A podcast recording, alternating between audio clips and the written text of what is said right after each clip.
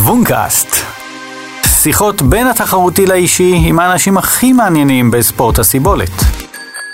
שלום לכולם, אני אילן שרקון, ואיתי העורך הראשי של אתר שוונג, אורן אשלג. היי אורן. היי אילן, מה שלומך? מה העניינים? מצוין, בסדר גמור. יפה. איך עובר עליך הימים האלה? יפה, יפה, הרבה זמן לא התראינו פה, אבל אה, אנחנו אה, מחדשים לנו שוב את, אה, את סדרת הפודקאסטים המופלאה של, אה, של אתר שוונג. אז הנה אנחנו ב- בעוד פודקאסט אה, מרתק היום, למי שמצטרף אלינו עכשיו, נזכיר כי הפודקאסט של שוונג חוקר ועוקב אחר אה, ספורט הסיבולת הישראלי, ואנחנו משוחחים בו על הנושאים החמים בספורט האתגרי ומראיינים את האנשים הבולטים, המעניינים והחשובים ביותר אה, בתחום. ואתם אה, מוזמנים לחפש את אה, כל סדרת הפודקאסטים שלנו שהיו אה, עד היום אה, כאן בשוונג וגם את הנוכחי באפליקציית הפודקאסטים של גוגל ואייפון, בספוטיפיי וכמובן באתר ובאפליקציה של שוונג. יופי אורן, אז את מי אנחנו מארחים היום? או, היום אנחנו מארחים אה, דמות אה, מוכרת, ידועה, אה, אה, שגם היא אה, כותבת על בסיס אה, קבוע בשוונג, אה, היום על הכיסא באולפן אה, מאמן של זון 3, ליאור זך מאור. שלום ליאור. אהלן, אהלן אילן, אהלן אורן. אה, אני רק אזכיר שבהיסטוריה שלו בעולמות הברזל אה, הוא הגיע למקום השני הכללי אה, בישראמן אה, ב-2009, זה היה לפני עשור כבר, במרחק המלא, הוא עשה שם אה, תוצאה של אה, 10 שעות אה, 28 תחרות. אסופה, תחרות אסופה. אה, אסופה, הוא היה שם ראשון בין הישראלים, מעבר לזה הוא התחרה יותר מפעם אחת באליפות העולם בקונה שבהוואי. אה, הוא התחרה גם אה, ב Ironman אה, דרום אפריקה ולדעתי ספרתי 12 אה, איירונמנים עד היום יכול להיות, כן, לא ספרתי. מי סופר, כן, יש? מצב, וחוץ מזה עוד כמה ישראמנים, כן. וכמה, אה, וגם אה, Cape Epic ואפילו סמרטון אה, כאן אה, בישראל אה, ובין לבין הוא כמו שאמרתי אה, מוצא זמן לכתוב אה, טור מקצועי אה, אהוב עליי אה, במיוחד אה, אה, בשוונג. אה, אז היי ליאור. אהלן. אה, אחרי כל ההקדמה הזו הייתי רוצה דווקא לצמצם את, ה, את המקום שלנו ולשאול אותך במילה אחת, ת, תתאר לי את העולם אנשי הברזל הישראלי במילה אחת. וגם איך הוא התפתח במשך, ה- אתה יודע, העשור הזה. אבל נתחיל במילה אחת, מתפתח. ועכשיו תסביר לי. עכשיו אתה יכול להרחיב. קודם כל, אנשים, אה, הרבה אנשים שמצטרפים לספורט, בשנים האחרונות חושבים שהוא התחיל כשהם הצטרפו לספורט. זאת הנטייה שלנו כמעט בכל תחום שאנחנו עוסקים בו, לחשוב שביום שאנחנו התחלנו, אז היום זה, זה היום שזה התחיל. קודם כל, הענף הזה קיים אה, 40 שנה. ובארץ כבר יש אה, יותר מ-20 שנה שאנשים, שישראלים עושים איש הברזל. אה, אנשים לא מכירים אולי את השמות, אבל אתה יודע, יוסי מלמן למשל, שהוא קשור לאיסרומן, ומיכה קניץ, ואיתמר, ועשו איירומן עוד לפני שנת 2000. ודרך אגב, בהוואי בהתחלה לא היה qualification, אלא היה, שלחו שני נציגים מכל מדינה. ואם אני זוכר נכון, זה היה יוסי מלמן והבן שלו שנסעו למשל באחת השנים. זה פרה-היסטוריה. ואחר כך באזור שנת האלפיים התחיל, אה, מי שהתחיל עם זה היה רן שילון, שהתחיל להוציא, להוציא נסיעות לאיש ברזל בחו"ל ולקח הרבה חבר'ה, והתחרות שהפכה להיות תחרות הדגל של הישראלים הייתה... אם אני זוכר נכון, אתה התאמנת אצלו. אני אימנתי. באנדיור ב-2008, כן. ובעצם הישראלים התחילו לנסוע לאוסטריה. במקביל התחיל הישראמן. אמ, שהתחיל יוסי מלמן, והיה מלא, והיו כמה משוגעים, ואחרי זה חצי, ואחרי היו, היו שנים שהיה רק חצי. ובעצם שני הדברים האלה קרו במקביל, ובעולם הברזל הישראלי המטרה הייתה לעשות איש הברזל. זאת הייתה המטרה של רוב האנשים, ואנשים רצו לסיים ולעמוד ב cut-off, ולאט לאט התחילו אנשים לכוון גבוה. ובעצם הישראלי הראשון שלקח את זה כפרויקט וניסה להיות מקצוען בתחום האיש ברזל, זה היה שי פיפמן, שעשה את Iron אוסטריה ו Iron אוסטרליה ועשה תשע נמוך וניסה להעפיל לקונה. בחברת Saucony בזמנו נתנו לו חסות והיה פרויקט מאוד יפה. ואחר כך אה, לפני עשור בערך הגיע גלעד רותם ונינה פקרמן. אני רק ו- אזכיר, אנחנו נרחיב על זה אחר כך, גלעד רותם ב-2011 ב Challenge אה, Roth, אה, מ- מחזיק שם שיא של, ישראלי כמובן, של נכון. 8 שעות ו-20 דקות נכון, עד נכון, היום. נכון, לגמרי. כן. אז בעצם, ואז מה שקרה, לאט לאט כל התחום הזה התפתח לכיוון ההישגי. זאת אומרת, זה לא רק לסיים, אלא אני רוצה להיות טוב באיש ברזל, ואולי לעשות slot להוואי ולעמוד על הפודיום וכדומה. ובעצם, ה- יכול להיות שאני מקדים את המאוחר, אבל עם הדבר הזה אני הקמתי את זון 3. כלומר, האוריינטציה הייתה, בוא נהיה טובים בזה. בסדר, אנחנו מסיימים, וכבר יש לא מעט ישראלים, בזמנו עשרות, היום מאות ואולי אלפים. אבל אני גרתי באוסטרליה כמה שנים, וראיתי איך הם מתאמנים שם, והתאמנתי שם, ואמרתי, אני רוצה שאנחנו נהיה טובים באישפורט. אני רוצה לפתח את התחום הזה. אני התחלתי עם תשוקה פנימית, בעירה פנימית, לא עם שום תוכנית עסקית. לא, אין לי אקסל עסקי עד היום. מזה זה התחיל. אז שאלת אותי על האיש ברזל, יפה, יפה. אה, אתה לא התחלת ב- כטריאטלט, התחלת בתחום, אה, היית בהתחלה כדורסלן, ואחרי זה אתה פסיכולוג בהכשרתך. איך הגעת, איך הגעת לתחום של אה, טריאטלון? אה, לאחר מכן לאימון וכדומה. אז תראה, אני, אני גדלתי במושב שהכדורסל היה דת, איפה? במושב חירות, בשרון. אה, אוקיי. ובזמנו זה לא כמו היום. היה חוג אחד במושב, כדורסל. אז כשאנשים אומרים לי, בואנה, איך בחרת דווקא כדורסל? אז אני אומר, לא בחרתי כדורסל, זה מה שהיה. יכולת או לשחק כדורסל או לא לשחק כדורסל. ואבא שלי שיחק כדורסל, ואבא שלי היה ספורטאי, ובכלל אני בא ממשפחה של ספורטאים.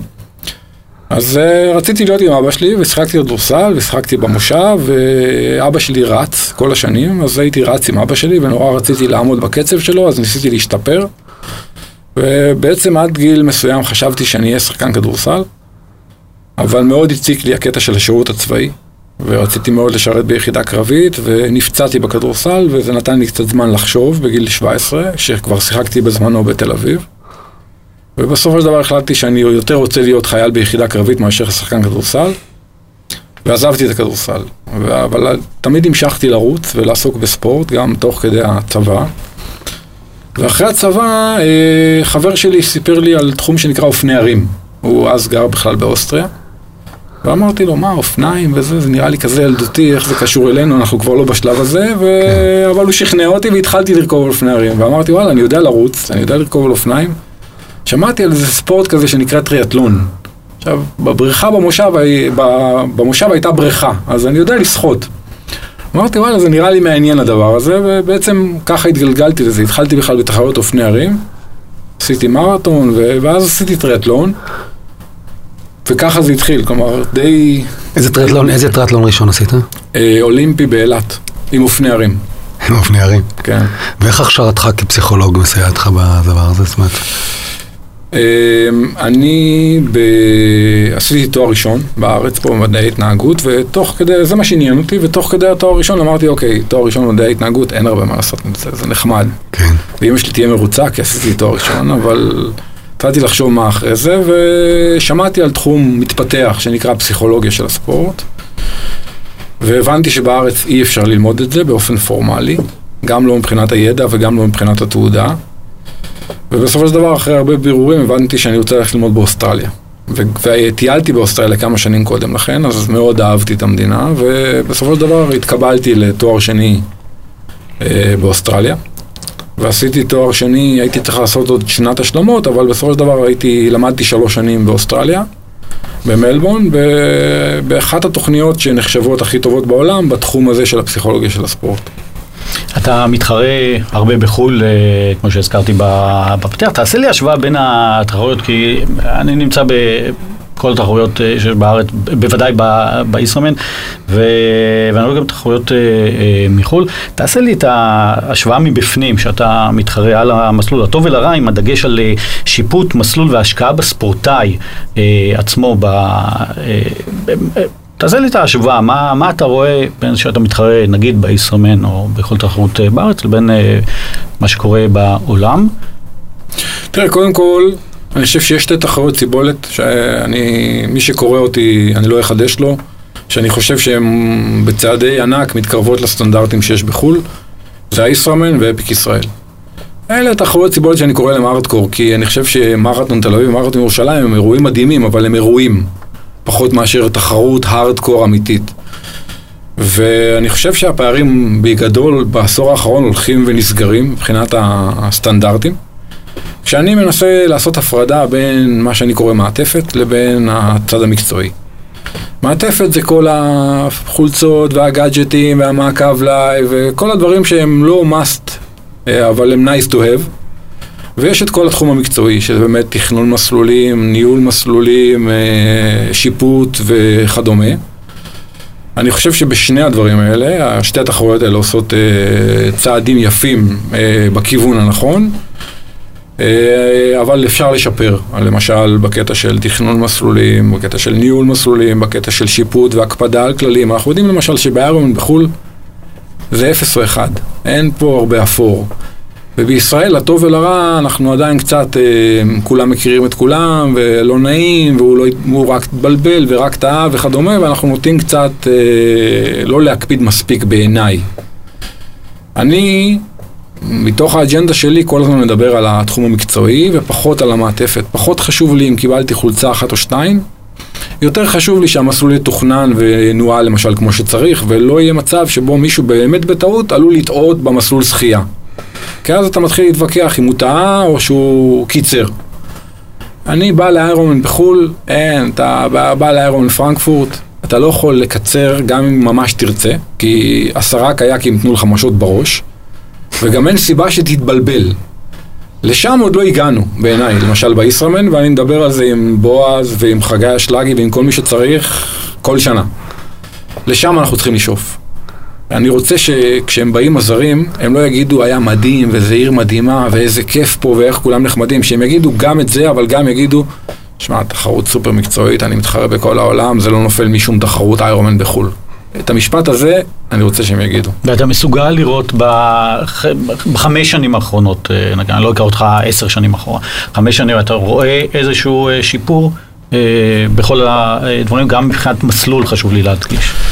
באופן כללי, כמגמה כן, עדיין אני חושב שיש דברים שאנחנו לפעמים עושים טוב ולא משמרים אותם. זאת אומרת, דברים שכבר אני מרגיש שהתקדמנו, כן. ואז פתאום שנה אחרי זה אני בא ואומר, עוד פעם, זה לא בוצע בעיניי מספיק טוב. אבל במקרו, בפרספקטיבה של חמש שנים, ללא ספק. יפה. התחרית בהוואי כבר כמה פעמים. קודם כל, אה, תאר לי קצת אה, את התחושה, איך להגיע לשם, דגש על, ה... על ההרגשה שם, גם שלך וגם של האחרים. אני מבין שאתה כ... כמנהל הקבוצה של זון, אתה כמעט כל שנה שולח איזה כמה וכמה טריאטלטים לשם. תן לי את התחושה, איך זה, איך זה בהוואי. תראה, קודם כל אני אגיד משהו שאולי יישמע קצת פומפוזי, אבל מבחינתי הוואי זה לא רק תחרות. זה קודם כל ה-holy grail של התחום שלנו. וחוץ מזה, אני חושב שהוואי זה הוויה. אני חושב שהעובדה שאנחנו מצליחים להביא כמה ספורטאים להוואי כל שנה, היא משפיעה לא רק על אותם ספורטאים שמגיעים להוואי, אלא היא משפיעה על כל האופי והאווירה, למשל אצלנו בקבוצה. כי הוואי זה מעבר לתחרות בעיניי, הוואי זה תפיסת עולם. זה תפיסת עולם שאומרת, שמע, יש איזה משהו שאתה רוצה להגיע אליו, איפה אתה נמצא עכשיו, איפה אתה רוצה להיות, איך אתה סוגר את הפערים האלה? ומגיע לאן שאתה רוצה להגיע וזה נכון לדעתי לכל תחום, זה לא משנה אם אתה עורך של אתר אה, ספורט או עורך דין, אתה רוצה להגיע למשהו, אתה אומר אוקיי, איפה אני נמצא, לאן אני רוצה להגיע, איך אני מגיע לשם. התחרות הספציפית הזאת מבחינתי היא אה, כמו וודסטוק. זו המסיבה הכי טובה שיש בתחום שלנו. וכמו שאני תמיד אומר, אם הייתי מנגן בגיטרה, הייתי רוצה לשבת ולג'מג'ם עם, אה, לא יודע, מרק נופלר. אז זה זה, אתה מתחרה עם הכי טובים בעולם, גם הספורטאים שהם כמוך בקבוצת גיל, גם כל המקצוענים, אתה רואה את התחרות בלייב, ב... ב... יש לך את המקום הכי טוב ביציאה. ואני כבר הייתי שלוש פעמים, אני בכל פעם מתרגש כאילו שזאת הפעם הראשונה, אני... כן, אפשר, לה, אתה יכול להגיד, ברור. אני ליאור זך מאור מת, מתרגש. חבל על הזמן. כי יש אנשים שמסתכלים עליך ואומרים שאתה רובוט? שם, יש שיר של משינה, שעזוב רגע את הקונוטציה, אבל יש שם משפט שאומר, נגע בשמיים, לא יכלה לצאת מזה. זה, אתה נוגע בשמיים, אני באמת אומר לך, הייתי כבר בהרבה תחרויות בעולם. לגמרי. יש היום שתי תחרויות שמרגשות אותי, באמת, באיש ברזל. הוואי והישראמן, מסיבות שונות. הוואי בגלל כל מה שתיארתי, הישראמן כי זה שלנו וזה מקומי ואני מסתכל על הרי אילת והכל בעברית וחברים באים, זאת אומרת זה משהו אחר, אני על בישראמן על קו, על שער הסיום אני עם דמעות. זה לא קורה לי בדרום אפריקה, לא באוסטריה ולא בפרנקפורט. זה קורה לי בהוואי וזה קורה לי בישראמן, עוד פעם מסיבות שונות. אה, וכן, אני בהוואי, אני בהתרגשות. לא, בהוואי גם יש את המשלחות, אתה יודע, יש ממש כמו, כמו באולימפיאדה, אתה יודע, יש את המשלחות של ה... עם הדגלים. של, עם, עם הדגלים. נתנו לי, נתנו לי ב-2017, תשמע, לחובבן ולחלש בחבורה, נתנו, ולזקן בחבורה, נתנו לי להחזיק, את ה- להחזיק את הדגל, להחזיק את הדגל. כן, היה מאוד מרגש, מאוד מאוד מרגש, קטע מרגש מאוד. תגיד לי, אה, אם אה, נחזור אה, עוד פעם לעניין התחרותי בתוך... אה, בישראל עצמה, השיא של, אה, כמו שהזכרתי מקודם, של אה, ספורטאי ישראלי באיש ברזל, נעשה על ידי גלעד רותם ב-2011, 8 שעות 20 דקות ו-11 שניות. אה, מדוע לא מצליחים לשבור את השיא הזה אה, לדעתך? אה, עד היום זה 2011, שמונה שנים, אנחנו כל הזמן שומעים ששיאים בעולם נשברים, גם אישיים, גם אה, אה, לאומיים. אה, זה מעיד על איזה בעיה שצריך לברר מה המקור שלה, יש איזה... אתה מזהה משהו? קודם כל, אה, גלעד היה חריג. קודם כל ביכולת הפיזיולוגית שלו, בגנטיקה שלו. הוא ושי פיפמן, בעצם שני החריגים אה, בהקשר הפיזיולוגי.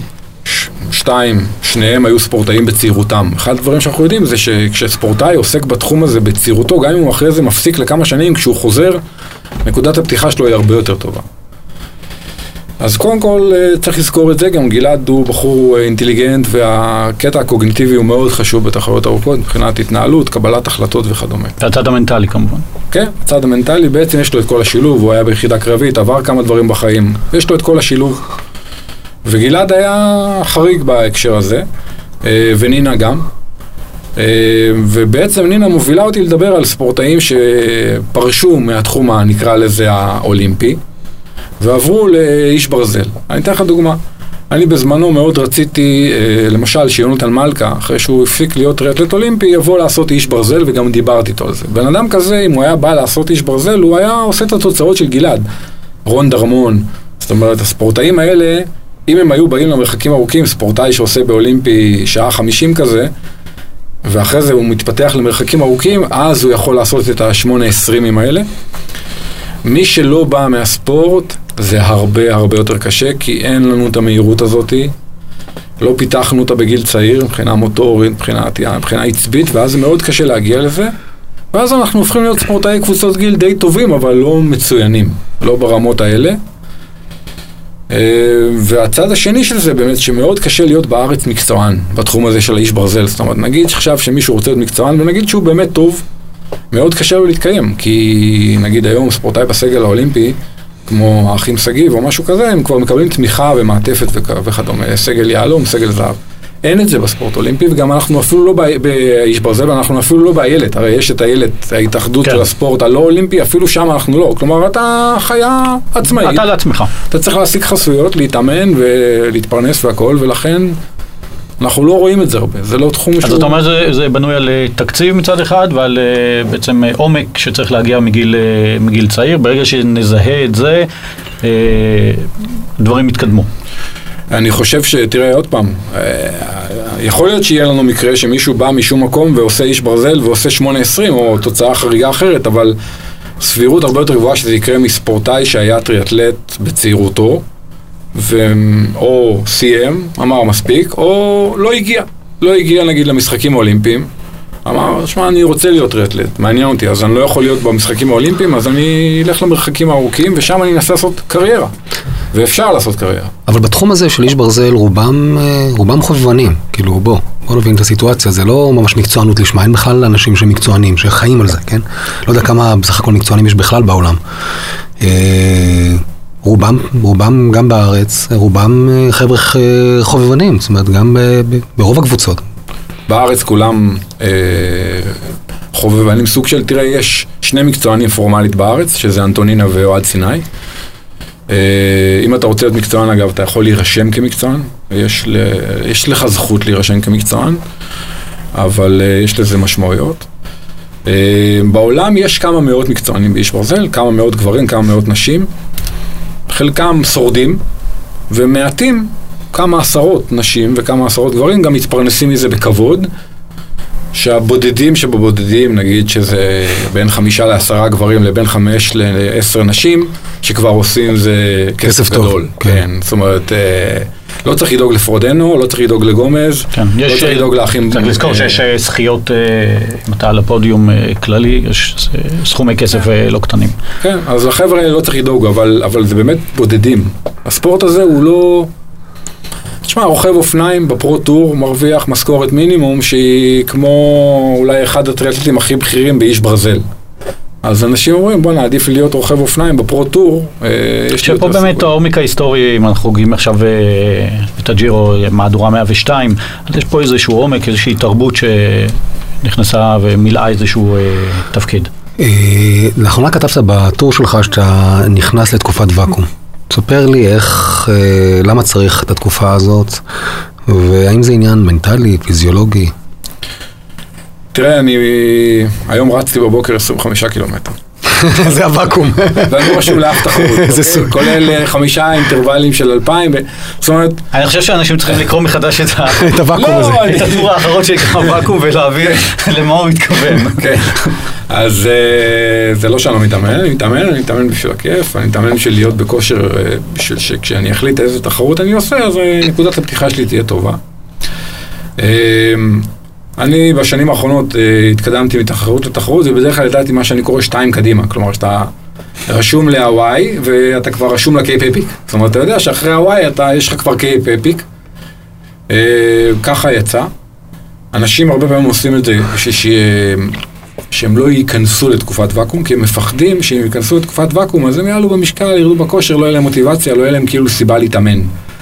אני דווקא חושב שזה לא מצב טוב, אני חושב שבן אדם צריך להתאמן כי הוא אוהב את זה, קודם כל, לא בגלל שהוא רשום לתחרות והוא חושש ממנה, הוא חושש להיכשל ממנה והיא יושבת לו על הראש, אז הוא קם בבוקר להתאמן. מצד שני, כמובן, מטרות זה נחמד, זה מעלה את המוטיבציה, לי אישית זה עושה פרפרים בבטן, ואני אוהב את הפרפרים האלה, אחרת כנראה לא הייתי ממשיך. אה, ובאמת, בפעם הראשונה מזה כמה שנים אני לא רשום לאף תחרות, עוד לא החלטתי איזה תחרות אני עושה, האם זה יהיה השנה או לא. ישראמן? אתה יודע, אף פעם אני לא פוסל, זה תמיד מורכב בגלל שאני בא עם הרבה חבר'ה, ואז תמיד אה, קצת אני מרגיש כזה שיותר נכון שאני אהיה על הקווים מאשר על המסלול, אבל פעם בכמה שנים אני אומר, אוקיי, יאללה, אני על המסלול, ואז אני עושה בדרך כלל מלא, אולי. לאיזה ענף אתה יותר מחובר? זאת אומרת, מתוך השלושה, שלוש אפשרויות האלה של אה, שחייה, אופניים, אה, ריצה, למה אתה יותר מחובר? לא מה אה, יותר קל לך, אלא למה כן. רגשית אתה יותר מחובר. אה, אני חושב שזה יהיה נכון להגיד. לאופניים, למרות שאני מאוד אוהב לשחות ומאוד אוהב לרוץ. כלומר, אני אוהב את הענפים באותה מידה, אהבה שונה. אה, ואיכשהו באופניים אני יותר מחובר, בעיקר בשנים האחרונות, הרבה גם בגלל שאני רוכב בשטח, אז כאילו אני יותר אה, רוכב אופניים בהווייתי. וגם בגלל שהוא בא בן אדם פיזיולוגית גדול, אז זה חיסרון מאוד גדול בריצה. כלומר, אחת הבעיות בריצה זה שאם אתה בן אדם גדול, גם אם אתה לא שמן, הממדים הם משמעותיים, ואתה לא רואה הרבה רצים טובים ששוקלים 80 קילו.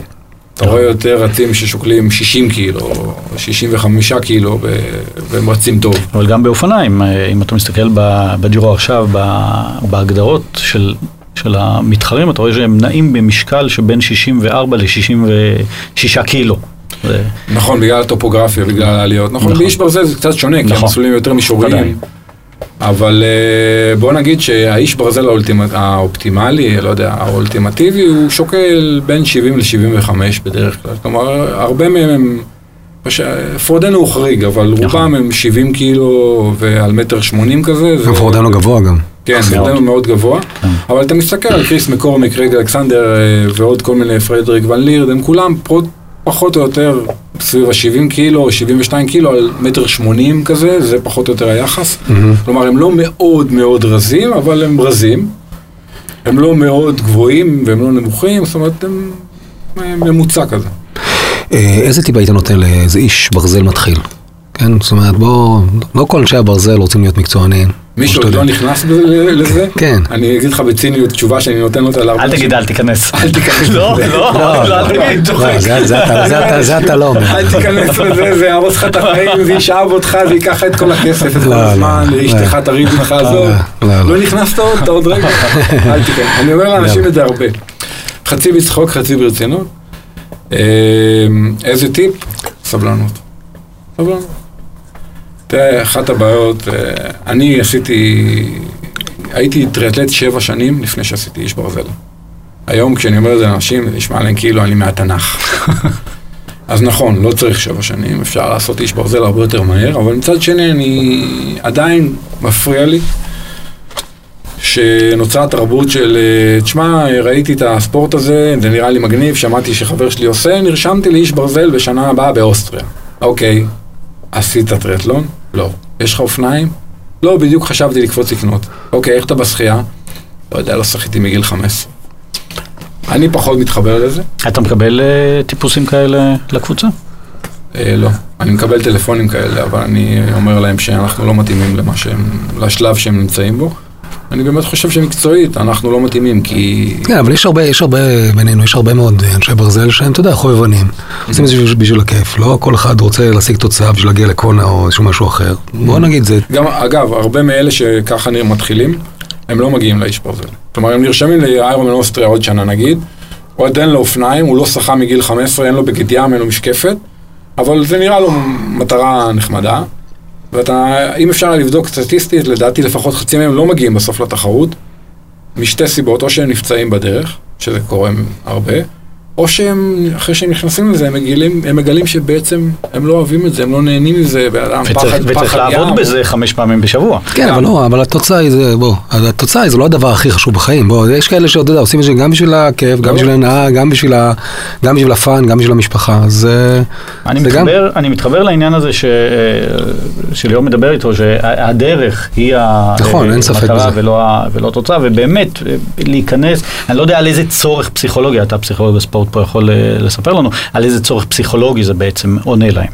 תשמע, זה די קל, בוא, איש ברזל עשית, עשית קעקוע, לא עשית קעקוע, אבל כולם מסביב אומרים, בואנה, עשית איירומן, מדהים וזה, זאת אומרת, זה איזשהו, אתה יודע, סוג שיחוק. של... אה, כולם עם הקעקועים האלה, כן. לא יודע, מגדירים אותך מחדש, או לא יודע, זאת אומרת, זה איזשהו סמל מעמד, לא יודע איך לקרוא לזה, אבל זה לא רק באיש ברזל, זה לא משנה אם זה איש ברזל או אולטרה או כל תחרות אחרת.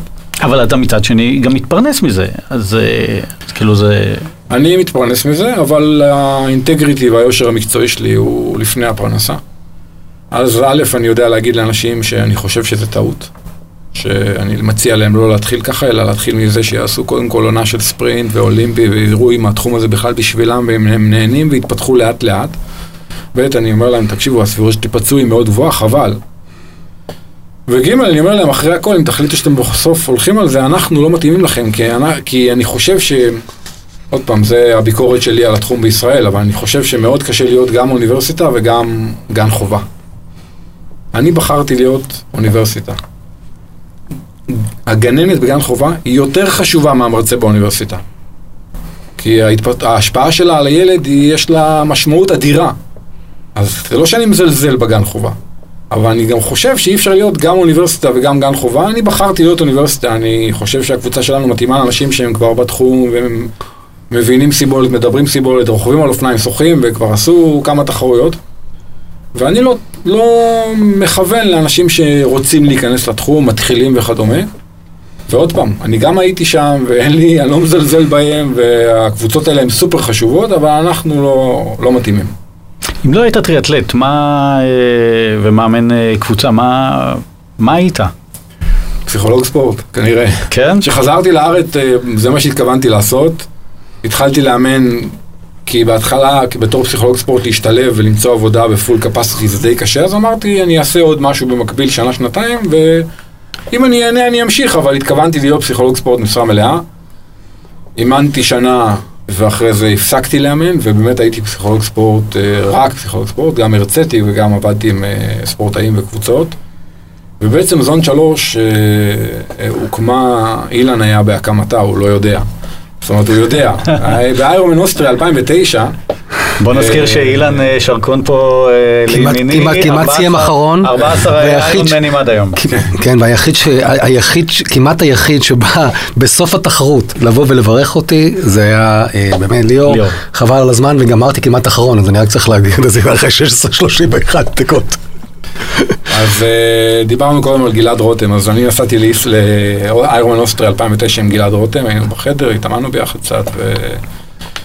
ובדרך חזרה מקלגנפורט לווינה, ישבנו באוטו, גלעד רותם, גולן תורג'מן ואני, ושם נזרעו הזרעים. זאת אומרת, הייתה שיחה בנושא איש ברזל בישראל, ואימונים ו- וכדומה, ואחרי השיחה הזאת חזרתי לארץ, והושבתי את אשתי בבית קפה, ואמרתי לה, תקשיבי, יש לי רעיון, אני חושב להקים קבוצת סיבולת חדשה באוריינטציה מקצועית, משהו שאין בישראל, ואני חושב שצריכה להיות.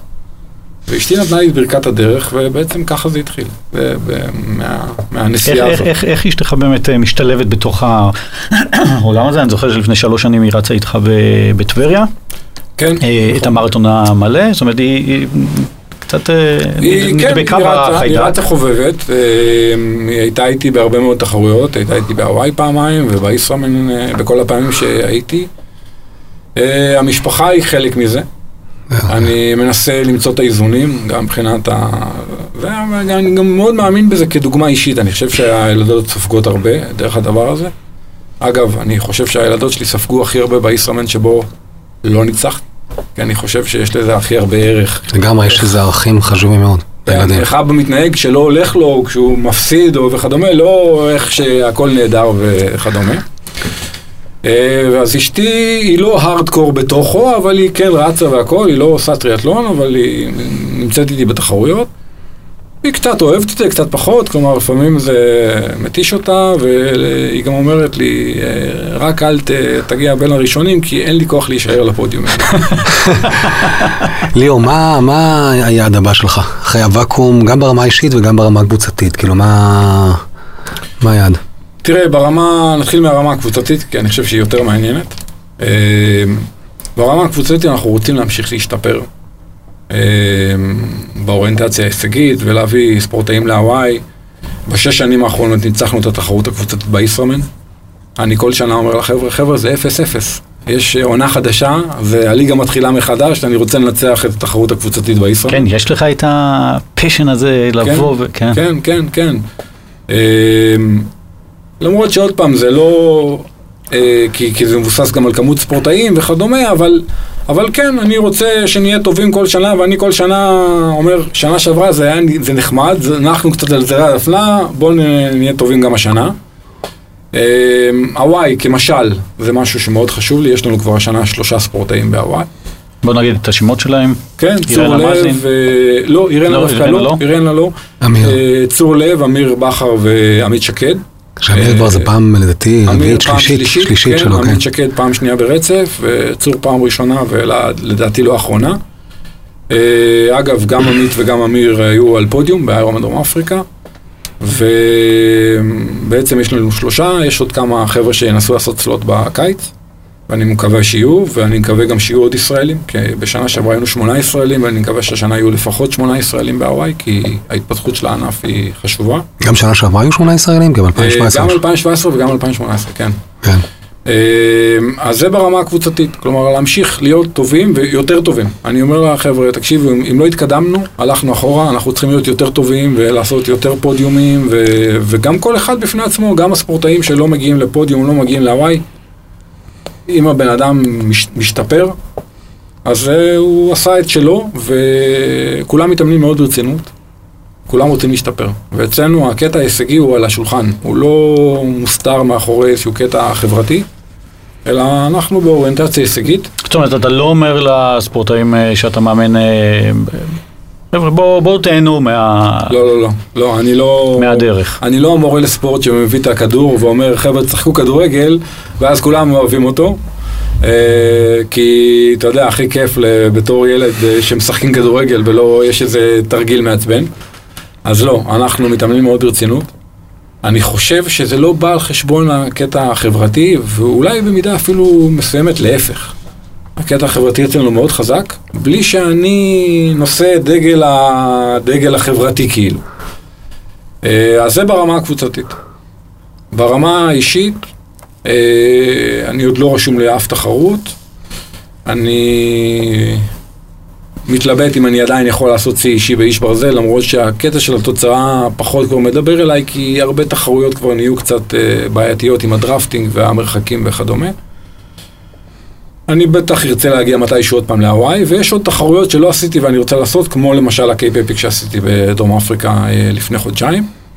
אה, אני רוצה לעשות עוד, עוד אולטרה מרתון, וגם מעניין אותי לראות אם בישראמן המלא אני עדיין יכול להיות פקטור לפחות בין הישראלים. בגיל 46, נכון? אם אני לא טועה, כן, נכון? כן. אתה עדיין כן. אה, מרגיש את הצורך להטביע חותם, לשפר. שיאים.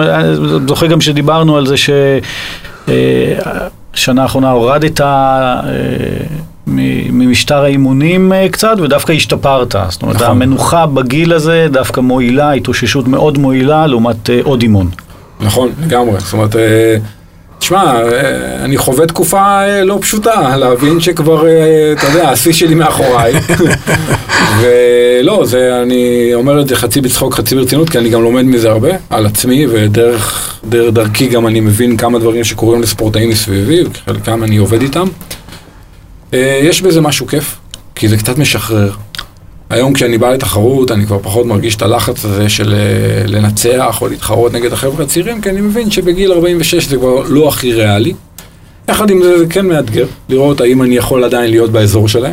אני זוכר שלפני, אה, תזכיר לי, ארבע שנים, עמית פיין היה על קו הזינוק, כן היה לך את הפשן הזה לנצח, ניצחת, ניצחת גם, ו, וכתבת טור על, אה, אצלנו בשוונג, אה, שירוויחו את זה. אין בעיה, צעירים תבואו, אבל תרוויחו את זה קודם. לגמרי, כתבתי את זה לפני, והרבה אנשים התעצבנו עליי, ואמרו נכון. שזה יהיר וזה, ואמרתי, לא, להפך, אני רוצה שהחבר'ה הצעירים ינצחו אותי, אני לא, אני לא שמח שבגילי אני מנצח, ואני רוצה שיהיה דור צעיר וחזק, ושיבעט את הדור המבוגר החוצה, כמו בכל תחום, וכמו שקורה באיש ברזל נגיד בעולם, שקרג אלכסנדר, ומק...